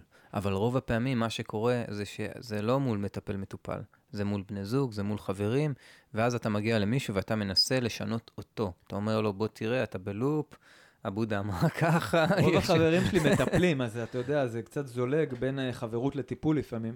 עדיין, כל עוד אין את המוסכמה של הנה עכשיו, אם עכשיו אני ב, ב, לא בטיפול, אני בפודקאסט, ואתה מספר משהו ואני אומר לך, אתה יודע, איזושהי, מביא איזושהי זווית טיפולית, זה לא בהכרח יעשה את מה שזה יעשה מתוך, אחרי ההסכמה שלך, ואפילו להפך, זה יכול לייצר אנטגוניזם מאוד גדול. כן, אתה יכול להגיד אולי, תשמע, אני יכול להציע משהו, אני יכול זה אולי, אבל אני מסכים שכשאתה בא ופוגש חבר, חברה, או מרים לך טלפון, כי אתה מרגיש שהוא צריך עכשיו לפרוק עליך את, ה... את הג'יפה שלו, ואתה מנסה, כאילו, בוא נסתכל על זה ככה, בוא הסוד, בוא רגע נתמקד בטוב ונמשוך טוב ואנרגיה טובה, אתה כן. יודע, אתה בא לו עם כזה אברהם היקס, עם כזה vibe של בוא, בוא, בוא נלך אל המקום הטוב ונגדיל אותו. כזה, לא, לא, לא, לא, לא, אני לא סיימתי את ה loop שלי, רגע, אני צריך עדיין לספר לך למה אמא שלי אה, זה, למה אבא שלי ככה, ולמה זה. אז יום אחד אה, אה, באולפן הישן בנתניה, אתה זוכר היה לרוי איזה הונדה או משהו, רכב ישן, אני זוכר פעם, והוא סגר עליי את הבגאז' על הראש. אתה יודע, אני כולי, וואו, איזה כאבים, ואז הוא בא אליי ואומר לי, תשמע, אל תתמקד בכאב. זה הדבר שהכי עצבן כמו, אל אותי. תתמקד בפיל שבחדר. כן, זה הכי כאילו, אתה יודע, זה הכי חמוד, זה הכי עצבן אותי שוואו. זה היה מצחיק. אז זה גם, זה קצת כזה הרבה פעמים. וברור, הוא בא בכוונה הכי טובה, אבל עדיין, אתה, לפעמים הבן אדם עובר משהו, כי הוא צריך לעבור אותו, וצריך לתת לו לעבור אותו. איך אתה מתייחס לכל תפיסת הסוד ואברהם מיקס למיניהם? האמת שאני לא ממש עמוק, קראתי את הספר, בגדול שכאילו... שאתה אה, מזמן כאלה, כן, תהיה בתדר טוב, תחשוב על הטוב, תהיה בתדר טוב ודברים טובים יקרו וכזה. אני אגיד לך מה, קודם כל יש בזה כמובן הרבה חוכמה והרבה אמת. זה כאילו מגנטיות מסוימת. כן, או, כן. או, מחשבה איזה- מייצרת אה, מציאות וכאלה. איזה, זה יותר כמו על איזה פריקוונסי, זה כמו ב, באיזה תחנת רדיו כן. אתה שם, ב, ב, אם אתה ב-91 אתה תשמע מוזיקה מזרחית, ואם אתה ב-99 אתה תשמע מוזיקה קלאסית, אז כאילו. אז כאן הייתי מוסיף עוד פרמטר שאני בדרך כלל שם לא מדברים עליו. שם הרבה אומרים, אוקיי, אנחנו, מה שאנחנו חושבים אפשר לזמן. אבל בהנחות יסוד שלהם, וזה גם מאוד אמריקאי באמת, מה אנחנו רוצים לזמן? מה, דברים חומריים? כן, הרבה מה, מהסוד זה, מספרים לך על אנשים שישבו וכתבו צ'קים כל חודש ושמו לעצמם תיבת דואר, ואז הגיע צ'ק. אם אני זוכר נכון, אני קראתי... שלהם. כן, לא, אחרי, ה- אתה, אתה מבין. ו... ואני אומר, אם כבר אתם רוצים, בואו נרד עוד איזה לר ל... להנחות יסוד שלנו. כי אולי שם, אם אתה לא מג... תגיד, רגע, בן אדם עכשיו רוצה לזמן, אה, אתה יודע, שואה, הנה, היטלר עשה אחלה מניפסטיישן של אני חושב- שואה. אני חושב שהם התחילו מרעיון, מעיקרון שנקרא law of attraction, שאיפה שאתה מתמקד, שם אתה מושך ושם אתה מביא, ואז הסוד לקח את זה חזק לכיוון שיווקי של בואו תראו איך אתם מתעשרים מהר. כן. אבל העיקרון של ה-law of attraction, אני מאמין בו גדול. כי גם אם אתה לא בהכרח תזמן וזה יגיע הדבר הספציפי, אנרגטית, איפה שאתה מכוון, זה מה שאתה פוגש. לא, אה, אין ספק, אין ספק. גם, אה, אתה יודע, אה, איך אומרים את זה? וואי, סיפור ממש... אה, אומרים... איך, איך המשפט? יש משפט ממש יפה. כאילו, מה שאתה רואה בעולם, מתקיים בעולם, משהו כזה. אני, אני לא זוכר בדיוק, אבל יש משפט ממש יפה. איך שאתה רואה את הדברים הם הדברים בעצם, אוקיי? מה שאתה מאמין זה מה ש... יש- יש, מה אה, שאתה מאמין קורה, אחי, בגדול. יש... אה, נמכר לי בבא, איזה בחור הודי שמת אה, בשנות ה-70, אני זוכר נכון. אה, היה כזה דמות מאוד מאוד אה, שהשפיעה על הרבה מאוד אמריקאים, ורמדס וקרישנדס ועוד הרבה דמויות כאלה מעניינות היו חסידים שלו. ומספרים יום אחד הוא נכנס ל... תעצור את הסיפור, אנחנו נחליף בטריה. מיד אחרי הפרסומות. תמשיך את הסיפור, טוב, בבקשה. אז אה, בעצם אה, קצת, אה, יש משפט שאומר מה שאתה מחפש... What you look for is what you get, כזה? לא, what you're looking for in the world, איך... משפט המדויק. הנה, זה אני אני לא זוכר. אה, everywhere, everywhere you look, you see what you're looking for. אוקיי? ואז אה, אותו נמכר לי בבא הזה, מגיע לאיזה קולג' של, פשוט זה ממש הצחיק אותי הסיפור הזה. מגיע לאיזה קולג' של אה, הודים כאלה, והוא נכנס, ואחד החבר'ה שם, יש לו תמו- תמונה של איזה פלייבוי כזה, של איזה מישהי ערומה. אז הוא רואה אותו כולו מתפדח והופך אותה, ואז הוא מסתכל ואומר לו, "אה, זה ה-Holy Mother. כאילו, אתה יודע, בשביל הבבא זה, זה מה שהוא רואה שם, הוא, רואה, הוא לא רואה את הפורנוגרפיות שאני עכשיו יוצר בתוך הדבר הזה, הוא רואה שם את הנשיות הקדושה, את האם הקדושה. זה, זה מה שהוא מוצא, זה מה שהוא מוצא בדבר הזה, בעולם. זה מה שהוא מחפש וזה מה שהוא מוצא. ו...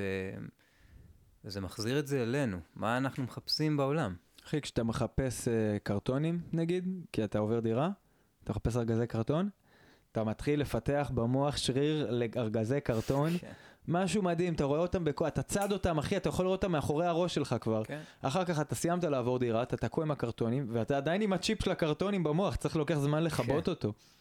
כן, זה כמו שאתה... או שאתה קונה הונדה, אז כל כן. הכביש הונדות. או אה, אתה יודע, גם כמו שאתה רעב, ואתה הולך, והדבר היחיד שאתה, העיניים שלך נתפסות עליו זה מאפים ולחם ובתי קפה, ואתה יודע, זה, וזה גם כתוב בדאו באמת, שבעל הרצון יתבונן בגבולותיו של העולם, ונטול רצון תתבונן בנפלאותיו של העולם, בדיוק על הנקודה הזאת. כשאתה מגיע בלי רצון, אז יש לך הרבה יותר יכולת לתפוס את הרוחביות של המציאות, או לאח... יותר מה... מה... מהמציאות עצמה. כי כשאתה מגיע עם רצון או צורך, אז אתה רואה את הדברים מתוך אינטרס מאוד צר. אתה אוקיי. מפספס הוא- את כל שאר הדברים. יש לי שאלה מעניינת בשביל זה. פעם שאלתי אותך, אופיר, מה אתה רוצה לעשות בזמן הקרוב? זה היה לפני הרבה שנים, אמרת לי, אני רוצה לטייל ולנגן. וואלה. ובאמת אה, טיילת וניגנת, זה היה די פשוט. וזה נראה, היה כזה, במובן שלך זה ממש follow your excitement. הלכת על מה שאתה אוהב, ומה שאתה אוהב הוביל אותך בחיים למקומות נפלאים. עכשיו אתה כאילו סופר בבא כזה. האם נשארו לך רצונות, שאיפות במובן החומרי, המקצועי, כזה? אה, של הקריירה וכולי? יש לי איזה, שוב, רצון, אין, אין בעיה עם רצונות. אין, אין משהו שהוא... רצון ברגע שאתה לא... רצון יכול להפוך להשתוקקות אם אתה לא יכול בלי זה. או גם אם אתה לא יכול עם זה, כן, זה מהצד השני של ה... מה, אבל אני שואל אותך אם אלה רצון, אלה, אלה, לא יודע, מטרות, כוונות, יש לך זה, זה לא מבחינת- שאני יושב כל היום ואני אומר, אוקיי, אני אכבוש את גלגלצ וכאלה, אבל אני לפעמים הולך ל... ומפיק איזה שיר, ואני אומר, וואו, זה אשכרה יכול להיות מגניב, ויש בי איזשהו רצון, וגם אם זה לא יקרה, אז זה בסדר, זה כמו שאתה רוצה שוקולד ואין. ויש לך יכולת להתמודד עם זה, אתה לא חייב אותו. הייתי, כן, יש בי רצון שהמוזיקה תהיה יותר מוכרת, שהנערף אה, יהיו יותר הופעות והופעות יותר גדולות, אה, ושהפרויקט סולו שלי אה, יפרוס כנפיים, ואנשים יקשיבו, והספר שאני עובד, אני עובד עכשיו על ספר, אז יהיה כבר משהו שיהיה ב- ב- במדפים של אנשים שהם מתעניינים גם בעולמות הרוח. זה בסדר נראה לי, כן. לרצות גם, אה, במיוחד אם אתה מבין למה. אבל שוב, זה לא שאני כל היום יושב ורוצה, זה לא מעסיק אותי ב- לא, ביום-יום. אתה, אתה עושה. קודם כן, כל, אתה משתדל, בעיקר כן. עושה סטוריז, אבל נגיד, אני- אני יודע שאני רציתי, אני נגיד, אם אני רוצה, אמ, אני עושה פודקאסט, אני רוצה שישמעו אותו אנשים, כי אני, כי אני חושב שאני הייתי שמח לשמוע פודקאסט כזה, כאילו. אתה מבין? אז אני עושה את מה שהייתי רוצה לתת, מה שהייתי רוצה לקבל. ואני עושה כל מיני דברים שהם שיווקיים לעצמי בתור צייר וזה, כדי שאני לא אצטרך לעבוד בבנק. כאילו, כי כן. אני אוכל לעבוד בדברים שקיבלתי בכלים, בכישרונות שלי. כאילו, בסוף אני יודע למה אני רוצה להתפרסם. אני רוצה להתפרסם כדי שאני אוכל לבחור עבודות יותר טובות, יותר משתלמות, כדי שאני בסוף אוכל to hang out with you, לשבת בים, לנגן, לעשות דברים כיפים וזה. זה כמובן מה שאתה עושה עכשיו. כן, זה הכי מצחיק, אז אני גם אם אני לא אתפרסם, אני אמשיך לעשות מה כן. שאני עושה, אבל אני לפחות אה, לא אצטרך, אה, אתה יודע, לפרסם חיתולים או כן, או אבל כזה. אתה גם שם לב שבעצם אתה לא צריך להתפרסם לפי מה שאתה אומר. אני לא באמת צריך אתה- להתפרסם. אתה- לא צריך, אז אין למה לרצות את זה. אני לא צריך להתפרסם, אבל נראה לי שכדאי שאני אהיה מפורסם, כי חבל שיפספסו את כל הכישרון הזה. אתה יודע, כן ולא. נכון. תגיד, איפה הזניות שלך והנזיריות שלך פוגשת את היצירה המוזיקלית שלך? כאילו, איפה בעצם הטאו והלימודים? כן. אז אני- חושב שכל השירים החדשים כבר הם הרבה יותר מכווננים. ישבתי, יש לי חבר אה, מאוד טוב, אה, שהוא מנהל של אה, להקות, והוא גם בעצמו איש עסקים, אז הוא עוזר לי לסדר מאוד את, ה, את העולמות של ההתנהלות המוזיקלית שלי. בתוך הדבר הזה קלטתי שאני בעצם, השירים החדשים שוזרים את העולם של הרוח עם, עם שירים רגילים. אז שם יש את זה. עכשיו, תכלס, איפה שהכי יש את זה, זה באנערף. אנערף, ההתחלה של הדבר הזה, רק השם אנערף, זה משהו מהדאו. לדעת את אי הידיעה. אנערף. זה אני יודע וזה אני לא יודע. אף פעם לא דיברתי על זה, אבל ידעתי את זה. זה, זה מה שמוביל. למה אנערף? אנחנו עושים. למה? להתפרסם, לגדול, להופיע? וואלה, לא יודעים. עושים. בהתחלה זה היה מאוד ברור שאתם, זה היה, לא יודע, זה היה כאילו בין, הם פשוט הזויים ועושים מה שבא להם, ואז היה, לאט לאט זה התחיל לראות, רגע, רגע, רגע, הם לא סתם עושים מה שבא להם, הם יודעים יוטיוב, הם עובדים, כן. כאילו, הם, הם הבינו כמה אלגוריתמים, כאילו, יש שיטתיות במה ש... ב... בעיקר ב... איך זה נקרא? ב consistency, כאילו, אתם כל הזמן כן. הוצאתם, ועוד, וכל שיר עם קליפ, והכל היה כאילו מאוד poppy, זאת אומרת, זה היה נראה כאילו מכוון, כאילו לא מכוון, אבל מכוון. אבל גם לא. אני חושב שאיך שזה התחיל להרגיש מכוון, זה התחיל אה, להירגע בווירליות שלו. מתי אתה מזהה שזה קרה? אמ, אני חושב שפשוט באלבום הראשון והשני היה, הם היו כל כך ויילד, שמעטים המוזיקאים שיכולים להיות בכל כך חוסר שיפוט עצמי במקום הזה, ופשוט לשחרר דברים. ו... בלי להתפדח על עצמם. כי לא היה בלי... קהל ואף אחד לא הכיר אתכם ולא כן, מה להפסיד. מהרגע, once לא you get big, once you get big, אחי, וזה נכון גם לסרוטונים וגם לכל דבר, ערוץ טלוויזיה, זהו, מה שאתה לא עושה, זה כאילו... פתאום מעורבים יותר אנשים ומעורב כן. יותר כסף ואתה צריך להיזהר מה שאתה אומר, אתה לא יכול לפגוע, המחשבה לא נקייה, אתה לא יכול לפגוע בזה, אתה לא יכול לפגוע בהוא, זה כבר עשו, זה כבר עשיתי אני, את זה לא יאהבו כי זה לא דומה למה כן. שעשיתי קודם, יש לי כבר קהל, מצפים ממני, אתה לא נקי. כן. בשביל להיות נקי אתה צריך כאילו לעשות פרויקט צד עם שם חדש. בלי הפרצוף שלך שלא ידעו שאתה אופיר, וזה מצחיק. ואז הוא יצליח והוא יאבד את זה גם. וזה קורה לכל הלהקות, אחי. כאילו, אה, באמת, זה קשה לאומנים שהם כן. כבר big יעני עדיין להביא את הדבר, אחי. מהלב שלהם, כן. מהקרביים שלהם, וזה גם, אתה יודע, זה גם קצת כל פעם שאתה נהיה ה master של, של, אתה תינוק ואתה נהיה ה master של התינוקיות, אתה עובר להיות ילד. ואז אתה נהיה ה master, אתה לומד שנים שנים להיות ילד, אתה נהיה ה master של ילד, אתה, זהו, עברת להיות נער. כל הזמן הדבר הזה מת, ואתה כל הזמן עובר למשהו אחר. זה, זה אי אפשר לשמר את זה, זה קשה, אין, היום אנחנו... את הבתוליות של הנערות כן. הראשון. אין מה לעשות, אתה יודע, אתה נפגש היום, כבר עברת, שוב, עשית את ה cycle, אבל זה לא אותו דבר בדיוק. כן, זה לא שעכשיו אתם תגידו, יאללה, אנחנו חוזרים לשחרות, שבוע, מקליטים הכל live, ו- וייצא בדיוק. לכם את אותו קסם של ההתחלה. בדיוק. אחי, סרטונים לא יכולים לעשות uh, דברים שעשינו פעם, במיוחד כי האקלים הציבורי השתנה, אני, מבחינת כן. מה שמותר לך היום להגיד, אסור לך להגיד בערך כלום. וואלה. ויש נעלבים מקצועיים, וקומדיה באופן כללי היא בתוך איזשהו quarantine כזה. אסור להיות קומיקאי היום, אסור כן. להיות, להגיד מה שאתה נראה לך שהוא מצחיק ואבסורדי, כי כולם נעלבים באופן מקצועי, ותרבות ה-PC, ו cancel culture, ובלה בלה בלה. מזל שיש לי פודקאסט משלי, שאף אחד לא יכול לבטל אותי, אף אחד לא יכול לערוך אותי. כרגע. כן, כשהוא יצליח, יהיה לי עורך, וכשיהיה לי עורך, אני לא יהיה לי כיף. כן. אז כיף לי עכשיו עם השלושה צופים כן. שלי. היי, אמא. אמ, אבל הלכתם לזאתי, איך קוראים ל... נו, כוכב... נכון. אקס פקטור לאירוויזיון. כן. איך אתה מסביר, איך אתה... תגונן על הדבר הזה. אז באמת הייתה לנו איזושהי תוכנית ללכת ולהביא את הברדק שלנו לשם. וזה גם מה שעשינו, ועשינו גם, אתה יודע, את הבחירות הלא מדויקות שלנו. קיבלנו על זה בראש, זו הייתה חוויה מאוד מאוד חזקה. אבל מה רציתם? מה, מה המטרה הסופית שלכם? רצינו להביא את הנערף לתודעה הציבורית אה, בישראל. קלטנו שאנחנו כאן בקורונה, ואנחנו כרגע לא עפים על החיים כמו שאנחנו רגילים, בטורים בעולם, ואתה יודע, על גבעות בשוויץ, ופסטיבלים בגרמניה, וכל מיני מקומות כאלה כיפים, ואנחנו פה. ואתם צריכים להופיע בפסטיבל התמר. בדיוק. אז עכשיו, אנחנו, אם אנחנו פה, אז בואו בוא נראה מה אפשר לעשות פה. ואז אחד הדברים שעלו זה, אמרנו, וואלה, אולי אשכרה נלך לתוכנית הזאת. והסתבכנו, כי פשוט הניהול לא היה, לא היינו עם ניהול, היה שם כמה אה, דברים שלא התיישבו. את, רגע, אתם, שנייה, לפני שאתה אומר מה לא עבד, אני רוצה עוד כן. לפני, הלפני כאילו. אמרתם, טוב, יש נטע היום ויש זה, אז בטח, כאילו, יכול להיות שיש, שיש לזה מקום בציבוריות. כן, לא, תשמע, אנחנו, אנחנו יודעים שיש לזה כוח מאוד חזק. לא, אני מתכוון שלמה שאתם מביאים, יש לו מקום על הבמה של המיינסטרים. היא יכולה להכיל את זה, אתם לא כאלה ביזאריים. אני חושב שבהפקה נכונה, וכן, לגמרי כן. בדוק, אחי, אתם כן. לא איזה, אם נטע עשתה, אז כן. ברור שאתם, זה לא כאילו, אתם לא איזה wild מחוץ כן, ל... ב... אבל חשבתם שכאילו יש, יש סיכוי, יש מצב שאתם באירוויזיון?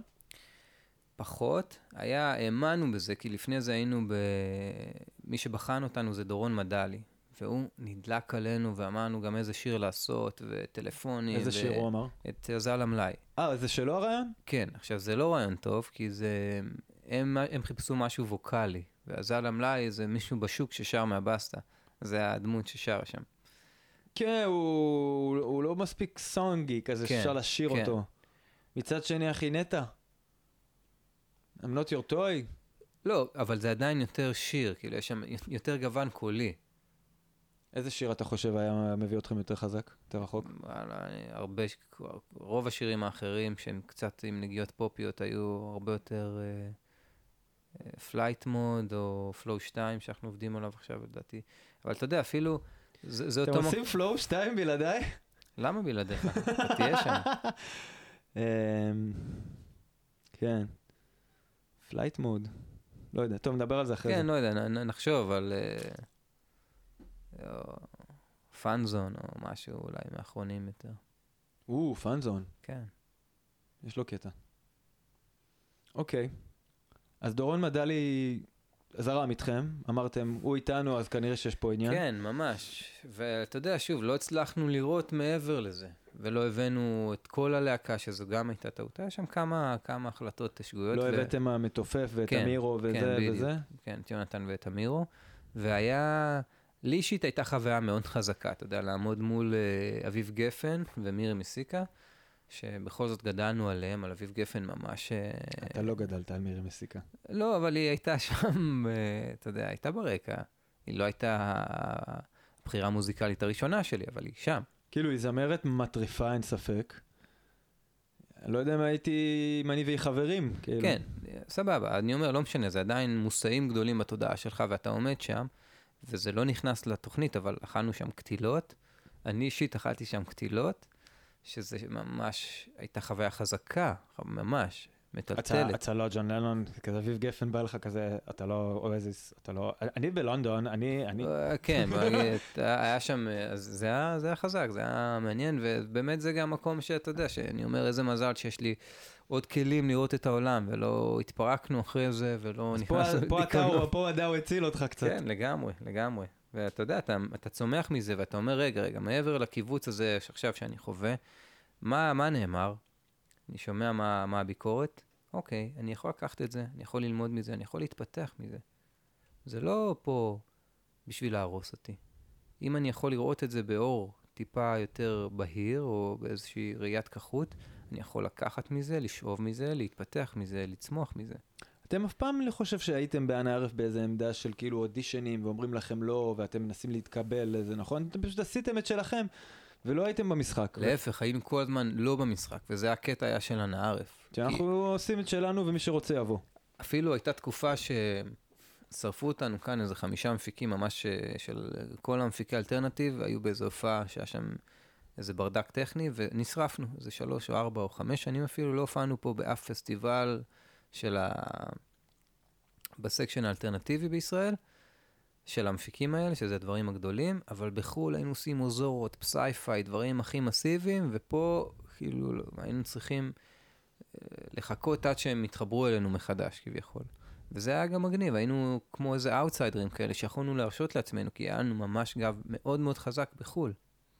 שפתאום בקורונה לא היה, ואז זה גם גורם לך להסתכל על דברים באור חדש, הביא אותנו לפעולות אחרות. מה? מה זה פעולות אחרות? זה שהלכנו לאקס פקטור. אה, ו... ו... אוקיי, לא התממש האקס פקטור. מה, מה אמרתם הלאה? כאילו, מה, יש what, לנו what was תוכנית. the next move, כאילו? יש לנו תוכנית, יש כבר שיר שהוא אה, מוכן שהפקנו עם אה, נועם אקרבי, שהוא כבר אה, super cool, ואנחנו מצלמים במרץ את הקליפ.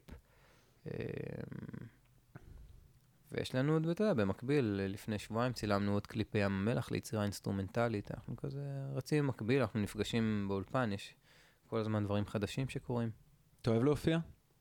מאוד מאוד מאוד, כן. זה מאוד מצחיק לראות אותך, הנזיר שאתה עכשיו והפסיכופת שאתה על במה.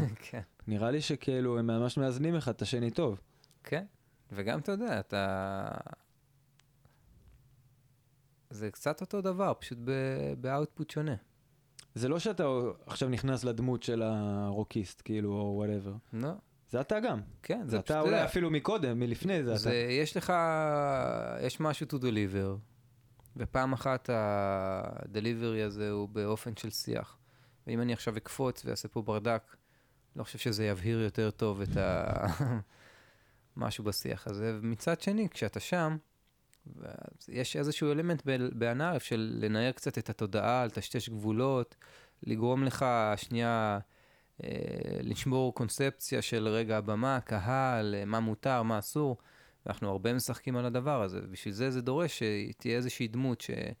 שמושכת קצת, שעושה teasing, שעושה, מוש... בודקת גבולות. Mm, הבנתי, אז זה מעין, מעין אלטר אגו. כאילו עכשיו אני אופיר אה, ג'יי רוק המכובד של הזה, ואז אני שם את הכובע שמאפשר לי להיות הליצן הזה. שהוא גם אני, אבל הכובע נותן לי את הרשות, הבמה, המיקרופון, ה monkey.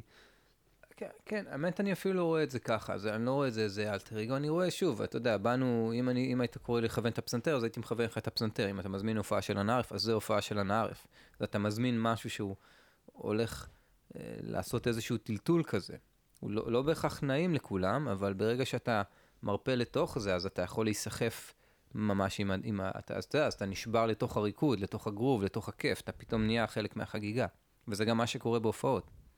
אז אני חושב שזה ממש מה שאנחנו מיוחדים בו, ובשביל זה אנחנו חוזרים למקומות הרבה פעמים, כי אנחנו אה, מצליחים לשבור את הקרח הזה, ואתה יודע, ולקרב, בסוף פשוט לקרב בין אנשים, ואתה, כמו שהיה לנו עכשיו בדובאי, אנחנו חוזרים עוד מעט שוב. כי בסוף של ההופעה, אשכרה, אתה יודע, החבר'ה מהאמירויות, עם ההודים, עם הישראלים, עם האירופאים, כולם ביחד, רקדו באיזה סלט כזה של אה, משהו מאוד, רגעים מאוד אוטופיים. וזהו, זה היה, אתה יודע, ברגעים מאוד פשוטים. אתה מרגיש שאתה ממש כאילו כזה שליח של אהבה ורצון טוב. לא יודע אם אני שליח, שגר- אבל... שגריר, לא יודע. לא יודע אם שליח או שגריר, או בוא נגיד ש... אתה בסרוויס, בוא נגיד אני כך. משתדל, כן, אני, אני חושב שכן, יש פה גם, גם בלימוד, זאת אומרת, גם... לזכור שאתה ב service במקום לזכור שזה about me, כאילו. כן, בדיוק, בדיוק, כן. כאילו, אני צריך לצעוק ולעוף על עצמי ולהתנהג כמו rockstar, אבל אני לא עושה את זה כי אני חושב שאני כזה ה rockstar הזה, אני פשוט ב service של האהבה, ואני צריך להתנהג כמו rockstar כי זה הכלי. כן, בוא נגיד, אתה יודע, מחוץ לבמה, איך שנגמרת ההופעה, אז אני לא אקפוץ על אנשים. אתה לא אוכל עטלפים ואתה כן, לא אוזי אוסבורן, לא, כאילו. פחות. פחות קוק כן, ומעריצות כן. וטלוויזיות שזורקים מהמלון. כן. טוב, אולי היה לכם את התקופה הזאת. לא וגם. היה תקופה, ואתה יודע, ואוקיי, אתה הולך לישון מאוחר ועושה דברים שאתה לא רגיל לעשות, ו... לא יודע אם זה הבחירה שלי. לא, אני בטוח שהיה... היום. אני בטוח שכן, קצת התנסיתם ברוקסטריות. תשמע, אין מה לעשות. ואז אמרת, טוב, אני טיפה מבוגר מדי לזה אולי. כאילו, זה לא כן. קרה לי, בג- זה לא קרה לך בגיל 20. כן, או שגם, אתה יודע, בנקודה מסוימת, לפעמים זה כמו שחרות. אתה יכול לגור בתל אביב, וכל היום להיות בהופעות, ומסיבות, והנגים, ואנשים, ומלא דברים קורים. תאי שירותים, מלא תאי שירותים. אתה יכול לבחור אה, להיות בשחרות, מקום שיש בו גירויים, אבל אחרים. יש לו גם איכויות, אבל שונות. זה, זה בחירות. מדהים. ויש תקופה ש... שוואלה, בא לך להיות יותר בתל אביב, ויש תקופה שבא לך להיות יותר בשחרות. זה לא ש... ברור שאין משהו שהוא יותר טוב ממשהו אחר. לא, אבל יש יותר נכון לעכשיו כזה. בדיוק, בדיוק. וכל רוצה- אחד, עכשיו שלו משתנה. אתה רוצה לספר קצת על הריטריטים? בכיף. אז בעצם מה שקרה זה, דני כבר שנים מעבירה ריטריטים גם בעולם של אה, יוגה וריברסינג, והיא גם מורה לפילאטיס. ו- דני זאת מי? פשוט תציג למי שלא. דני הבת זוג שלי. שאני... תוסיפו עוקב. כן. דני תוסיפו עוקב, כן, זה השם משפחה דני, שלי. יש לה 40 אלף עוקבים באינסטגרם, אבל שוב, זה מין תיאור של... היא די פעילה שם, ואני חושב שהיא פעילה באופן מאוד חיובי גם, היא עושה דברים מאוד מאוד יפים, היא מקבלת על זה הרבה מאוד פידבקים. אה, והיא די מפיצה גם דברים שהיא מאמינה בהם. יש לה איזושהי אג'נדה שגם אני כמובן מאוד מתחבר אליה. אה, ובאיזשהו מקום, אתה יודע, היא גם המורה הכי גדולה שלי, כן? כשאני אומר... אה, ב- ב- לאינסטגרם, לשיווק בת... גם- היא- גם היא- לאינסטגרם. היא גררה אותך לשם לגמרי. גם לשם, ו- וגם ל... תראה, אתה יכול להגיד גררה ואתה יכול להגיד אה, לזרום. תשים לב איך הסמנט, איך המילים הז- הזרימה אותך לשם. משנות את המציאות. כן. אמ, אני בטוח אבל, גם אבל ש- היא גם המורה שלי, אתה יודע, במקום של... אמ, של הפרקטיס, של הסדנה, מה שנקרא, של התרגול עצמו, אתה יודע, כשאתה אומר אה, אהבה ללא תנאי, או non-attachment או כאלה, אז יש אשכרה בן אדם שהוא מרגיש מאוד מאוד קרוב ומאוד מאוד יקר. הערך שלו הוא מאוד מאוד גדול בעולם שלך, וזה הופך אותך למאוד פגיע מול, מולו, מול הבחירות שלו, מול המעשים שלו, וזה גם המקום שלך להתפתח. זה מעבר לזה ב- אה, שלך זה פשוט כי היא הבת זוג שלך, אתה יודע. כן, בטח. זה כזה. אני, אומר, זה, זה, זה ברור, ומה זה, להגיד שהיא אה, בת זוג זה לראות את זה מזווית מסוימת, ולהגיד שהיא מורה זה לראות את זה בסך הכל מעוד זווית אחרת. והיא גם לא המורה שלי, והיא גם לא הבת זוג שלי, והיא גם המורה שלי, והיא גם הבת זוג שלי, וגם ה- עוד אלף דברים אחרים.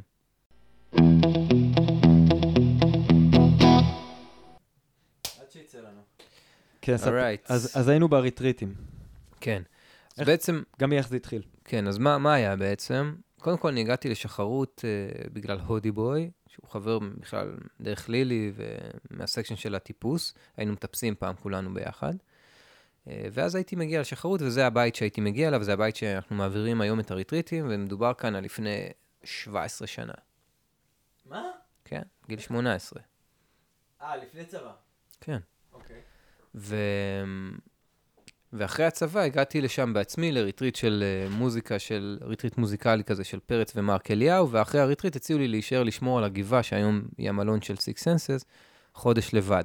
וזה בעצם התניע איזשהו תהליך, כל דבר ש- שאמרת פה אפשר לעשות לו פתח סוגריים. כן, אז, אז לא נפתח פה גם, וזה היה יאללה. בגדול. זה בעצם הקישור לבית ולשחרות. עכשיו, מה שהיה עכשיו, בעצם בקורונה התחלתי להעביר קורסים של בודהיזם וקורסים של דאו, ש... אתה מדבר על זום. על זום, כן. איך איך מילאת את הזום? אה, גם בעזרת דני, וגם הייתי מפרסם, אתה יודע, בכל מיני... אה, דרך זה שאתה מוכר מאנה ערף, כאילו. גם, וגם דרך אה, פורומים של, של אנשים שמתעסקים בבודהיזם או בדאו. שאין הרבה. אתה יודע שדניאל קורן, החמוד, הקומיקאי מוזיקאי, הוא גם מורה לזה? כן, כן, מישהו אמר לי שהוא עשה ב- קורס אצלו. בניו יורק. כן, קטע. גם בזום. אה. ואז החלטנו פשוט שדני כבר הייתה שנים מעבירה סדנאות, והיא גם בתקופה הזאת היא עבדה בטירוף בזום, ואמרנו, וואלה, בואו ננסה פעם אחת להעביר סדנה. ודיברנו עם שג, שהוא הבעלים של הבית, והוא אמר, וואלה, תשמעו, יש מצב, אבל זה ממש רגיש, והיישוב, ולפתוח את הבית, ואף פעם לא עשינו את זה, זה, אבל תנו לי רגע לחשוב על זה, הוא חשב על זה. אבל הוא עשה. הוא עשה סדנה, אבל אתה יודע שהוא היה שם. Mm. שזה של מוזיקה, שהוא מזמין אחרי זה את כל היישוב. זה עדיין משהו, אתה יודע, מרגיש עדין. ב- עדיין בתוך ה- ברוח היישוב. כן, בדיוק. ופה זה כבר משהו אחר קצת, והחלטנו שיאללה, הולכים על זה, והבית בעצם אמ- אמור ל... הוא, הוא בתפיסה שלו, הבית אמור, לא אמור, אבל אם הוא יכול לרפא או לעזור לאנשים, אז ש, שירפא ויעזור. ואשכרה הם שחררו את הבית והם כבר לא, לא גרים שם בכלל. בכלל. אוקיי, לא ידעתי את זה. וואו. ו- וזהו, ומאז אנחנו כבר שנה ומשהו, העברנו, אני מניח, באזור החמישים ריטריטים. וואו, וואו. כמה אנשים באים לריטריט בערך? אה, בדרך כלל זה 20, זה המכסה, לפעמים קצת יותר, לפעמים פחות, לפעמים יש ריטריטים פרטיים. אבל 20 זה עדיין אינטימי, אתה עדיין רואה, זוכר פרצופים, שמות. כן, שמות, פרצופים, אתה יוצא לך לדבר עם אנשים. מהמם. כן. ומה קורה בריטריט? אז בנינו בעצם, אה, זה, זה עובד ככה שאתה מגיע, אה, יש איזושהי אה, קבלת פנים כזאת נעימה של איזה נשנוש ודברים מפנקים. המדבר הוא, הוא מאוד מלחיץ. כשאתה מגיע ואתה לא רגיל למדבר, אני זוכר שממש פעמים ראשונות שהייתי מגיע, הייתי תמיד אוכל כזה יותר ממה שאני רגיל, או זה קצת היה עושה לך מין? סטרס כזה, כן. לא יודע אם רק להתקרקע, גם אתה מרגיש קצת אה, חשוף כזה, מאוד קטן אל מול הטבע, הטבע שם מאוד מסיבי. ו... אתה רגיל לראות בניינים, מכוניות, משהו כזה. כזה. וגם אין לך, אתה מגיע למקום שאין לך מה לקנות, אין לך עכשיו, אתה יודע, אה, בתי קפה או משהו, אתה אין לך, אין, אתה רק, אז אז Yeah. אנחנו מנסים לייצר חוויית שפע בתוך הדבר אתה הזה. רק עם מה שבאת, עם מה שהבאת. עם האנשים שאיתך, אי אפשר לברוח לכלום. כן. שזה אגב קטע, אני זוכר ממש חזק עוד- בשחרות. גם כשאתה הגעת עוד לא היה שם, עוד לא היה סמארטפונים בכלל. נכון, לא היה כלום, ו- ואני זוכר גם כשהייתי פותח את המקרר, רואה מה יש, ולפי מה שיש במקרר, הייתי יוצר את מה שבא לי, את החשק שבא לי. לא, לא, כאילו, זה, אין, אין שם מצב שאתה אומר, בא לי, בא לי. להכין פתאי, אז אני אלך כן. ואני אביא עכשיו אה, כן. נבטים ו... או שאני אזמין פאד תאי. כן. כאילו, זה לא בא לי עכשיו פאד תאי, אני אזמין בוולט פאד תאי, אז אני פותח את המקרר, יש את זה וזה וזה, או אולי זה עם זה עם זה, אתה רואה איזה קומבינציות יש, ואז זה מה שבא טוב. לחם עם גבינה. כן. שזה מדהים, זה מדהים, זה, יש לזה אחלה... היצירתיות שבאה מתוך המגבלה, כולנו, כל מי שעסק ביצירה יודע שזה לפעמים, מה זה, מה זה. חשוב? כן, היום Pro Tools ואין סוף, ואין כן. סוף אופציות, מסבך. כן. השפע באמת גם מביא איתו הרבה אלמנט של בלבול, והרבה אנרגיה מתבזבזת לנו בתוך המקום הזה, רק על הבחירות ועל ההחלטות. אז אני חוזר רגע לריטריט, הבן אדם מגיע, הוא מקבל איזושהי חוויית welcoming כזאת, ונכנס לבית, הבית מאוד אה, מיוחד, ויש בחוץ את הבריכה. אחד הבתים, למי שלא יודע, היפים והמיוחדים בארץ ישראל, ואני נזהר כשאני אומר בארץ ישראל, כי הוא בתכלס נכון. כוכב אחר. ממש. Uh, מתחילים, יש איזה מעגל פתיחה כזה, כל אחד מציג את עצמו, אנחנו מציגים את עצמנו, קצת כוונות, עושים איזה שיעור יוגה, שהוא יוגה יחסית רכה, רק uh, בגלל הנסיעה שהייתה לרוב האנשים, משהו רק uh, לרכך את הגוף מהנסיעה. אז ארוחת ערב, הכ- הכל טבעוני הכי פיין שיש, אנחנו עובדים עם האנשים הכי, הכי מוכשרים בארץ בבישול טבעוני, שפים הכי, הכי מדהימים שיש. ככה מההתחלה היה לכם שפים, או שבהתחלה זה כן, אתם לא, הכנתם? ידע, זה היה מאוד מאוד חשוב. מאוד מאוד חשוב. גם הפרודוקטים, הכל, ברמה של, אמ, אתה יודע, אבל איך אתה מביא טרי אורגני לשחרות? השף, ביום לפני הסדנה, או סליחה, ביום שהוא נוסע אלינו, שזה היום הראשון של הסדנה, עובר בשדות של חקלאים והוא אוסף משם את הסחורה. והבישול הוא עונתי, אוקיי. ל- לרוב, לרוב, לא כולם, אבל הרבה, הרבה... אז אוכלים שם במקסימום חסה מאתמול עד סוף הריטריט, זה חסה משלשום שקטפו כן. הדברים מאוד מאוד fresh, וגם ה... זה חלק ממה שאנחנו מנסים להביא. זה... יש שם איזשהו לימוד, שוב, זה גם בכלל מה שקורה המון בזן. דוגן, יש לו ספר, דוגן זה המאסטר, אחד המאסטרים הכי גדולים של עולם הזן. הוא, יש לו ספר שנקרא הוראות זן לטבח. והוא בכלל, כל ה... נפתח לו כל העולם של הזן הזה ממפגש עם טבח. אז יש פה איזשהו חיבור מאוד מאוד עמוק, ואנחנו עובדים עם אה, אנשים מאוד מוכשרים בתחום. אה, אחרי זה יש הופעה אקוסטית שלי, של שירים גם מהנערף וגם שירים חדשים. אה, ואז יום אחרי זה יש יום אה, שמתחיל בתרגול של יוגה ופרניאמה וקיריות, כל מיני... שעתיים כזה לעומק? כן, בין שעה וחצי לשעתיים. ואז ארוחת בוקר, ואז, אה, שגם זה שייקים וכל מיני דברים, פירות חתוכים ודברים כאלה. זה על גבול. הריטריט ניקוי. כן, כן, זה משהו... לא, לא יודע אם ניקוי, כי ניקוי זה כבר, אתה יודע, זה יותר קיצוני. פה כן יש כיף, יש נהנתנות באוכל, אבל נהנתנות בריאה זה משהו שהוא עדין. זה יותר טוב לדעתי, כי זה יותר נגיש. שוב, אתה, אתה הולך הביתה ואומר, אני יכול לעשות את זה. כן, בדיוק. אתה לא רוצה עכשיו אה, ליצור תחושה של, אוקיי, זה רק לקיצוניים האלה. כן, יש הרבה אנשים אה, שאוכלים בשר ובאים לריטריט, ואשכרה, הם אומרים, וואלה, זה אפשרי, וחלקם גם... מתחילים בצעדים קטנים כן, לשנות כן, את התזונה לגמרי שלהם. כן. ו- וזה מדהים. כאילו, זה, לא הגדרנו את זה אולי בתור מטרה, אבל הנה, זה מדהים. מדהים שזה קורה. אמ, ואז יש שיעור בודהיזם, שזה שעה. אמ, אחרי זה יש אה, ארוחת צהריים, ואז אנחנו יוצאים לסיבוב שקיעה אחרי מנוחה אה, של כמה שעות. מגיעים לאיזה מקום יפה במצוק, זה הליכה שקטה בהשראת נזיר שנקרא תיק נתן, אה, שאני אני ודני ממש אוהבים אותו, יש גם ספרים מתורגמים שלו לעברית, מדהים. אה, ואז עוד תרגול שהוא בדרך כלל תרגול זוגות, משהו שהוא טיפה אה, שונה מתרגול קלאסי, תרגול מסורתי. ואז אנחנו מכינים את עצמנו לשבת, ומגיעים בדרך כלל לבושים בלבן, עושים איזושהי קבלת שבת, ויש חלב, יש כל מיני דברים, הכל נאפה במקום, הכל uh, מאוד פרש, ואחרי זה יש uh, טקס קקאו ו ecstatic dance, שגם נחשפנו לזה בגואה והתאהבנו בזה מאוד. Uh, זה אחד הדברים המשחררים, מאוד מתכתב עם, uh, עם הגישה של אושו, שאומרת uh, שבתפיסה שלו אנשים במערב, התודעה המערבית, פחות אמורה לשבת, או לא לכולם קל לשבת ולתרגל מדיטציה בישיבה. אז הוא מדבר על dynamic meditation. וחלק מזה זה איזושהי תנועה, משהו שהוא אקטיבי יותר. אני פתאום קולט שעשיתם כאילו, כן, מין ריטריט טוני רובינס קצר כזה. אני לא יודע מה הריטריטים שלו. וואלה, גם שם היה ecstatic, היה מהכל כמובן. כן. היה מהכל, מהכל, כן. מהכל, אבל גם זה היה. אז מי, מי מתקלט את ה ecstatic? אני. אתה מתקלט. אני מתקלט. אתה לא מנגן. לא, לא, אני מתקלט. ואני ודני מכינים את הסט ביחד. דני ממש בדוק. אוצר מוזיקלי משוגע. כאילו, יש לה פלייליסטים מעולים, היא ממש מבינה במוזיקה. איזה כיף. טוב, חובה. כן. ו... וזהו, ואז יום אחרי זה יש, קמים לעוד תרגול יוגה, עוד, שיעור, עוד אה, כזה ארוחת בוקר, עוד שיעור אה, בודהיזם, ואז יש הרפאיה לצלילי גיטרה חיה, אני מנגן כזה עם כל מיני אפקטים דרך רמקולים, ודני מנחה אותם בדמיון מודרך, ש...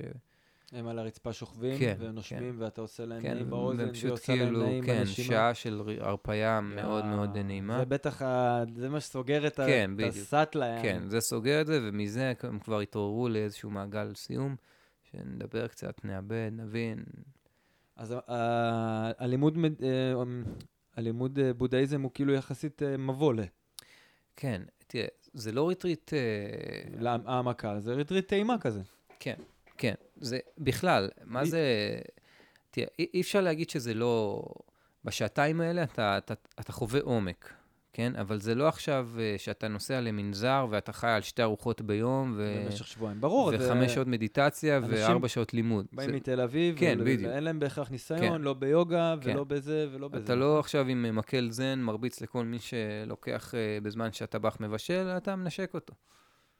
אתה אוהב, אתה יודע, זה לא, זה לא עכשיו משהו... לא ידעתי שקיים. אוקיי. כן, בטח, אתה יודע.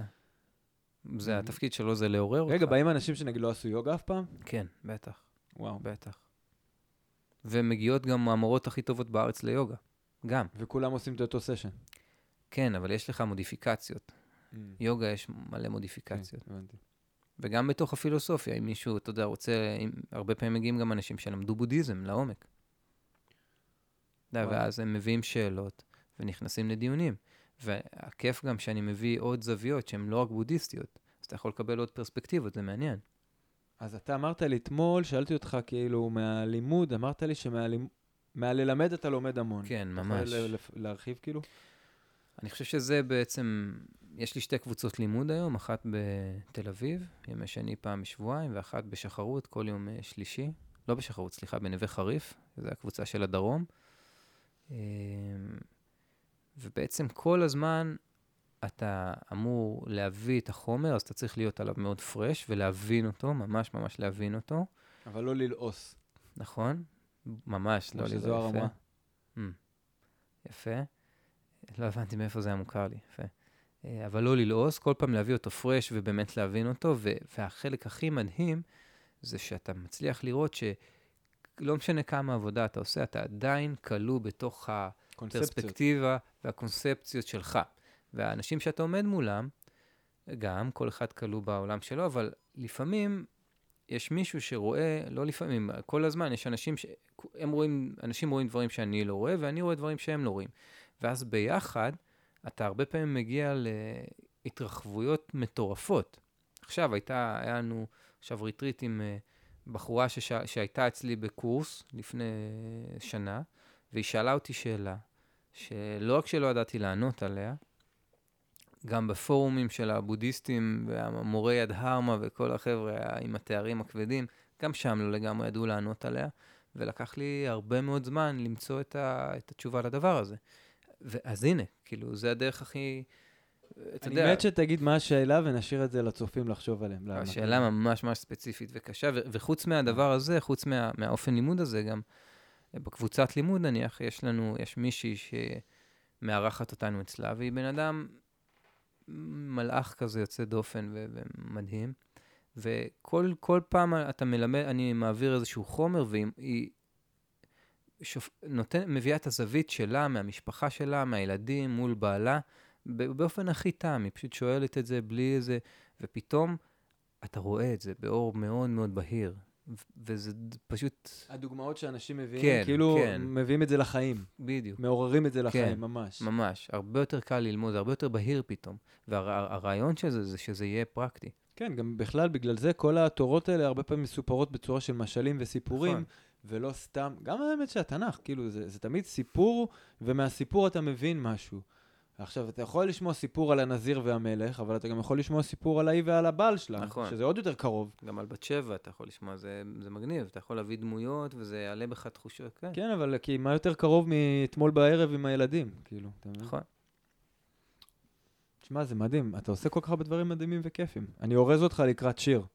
וואלה, אוקיי. זה בסדר איתך? כן, בטח. אה, אפשר לגעת בעוד נקודות, אבל אני כאילו, אני חושב ש... הגענו בהרבה. שהגענו בהרבה. אה, אני מאחל לך עוד, אחי, תן, תן, תן. פשוט תיתן, תן. תן כן. ותן. אנחנו רגע נעשה הפוגה, נכין שיר, אנחנו עכשיו הולכים לכתוב אותו, ו... ויאללה. אז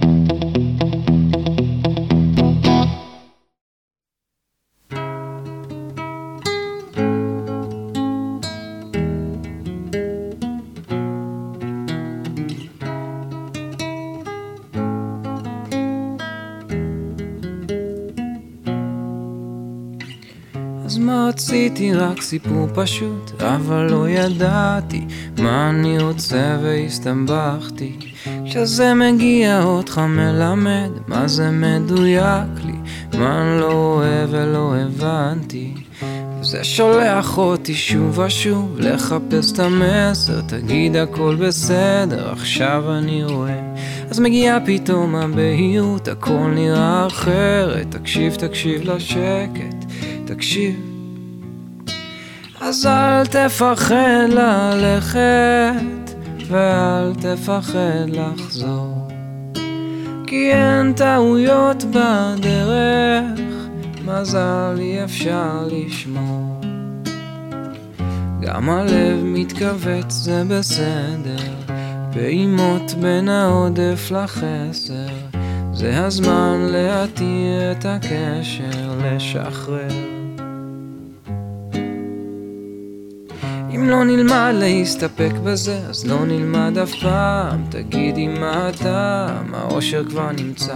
אם נחפש את זה רחוק מכאן, אף פעם לא נגיע. הדרך הזו פנימה אל תוכך.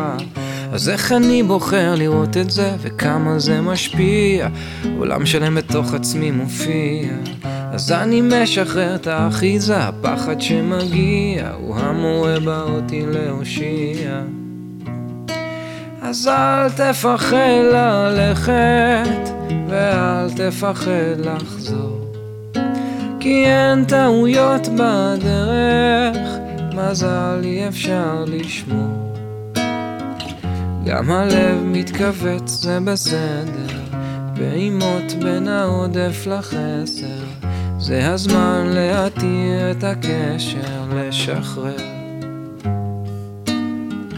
גם הלב מתכווץ זה בסדר, פעימות בין העודף לחסר. זה הזמן להתיר את הקשר, לשחרר. וכמה שארצה זה רק ירחיק אותי מזה כי זה כבר כאן. אז למה לחפש רחוק? אין לנו זמן.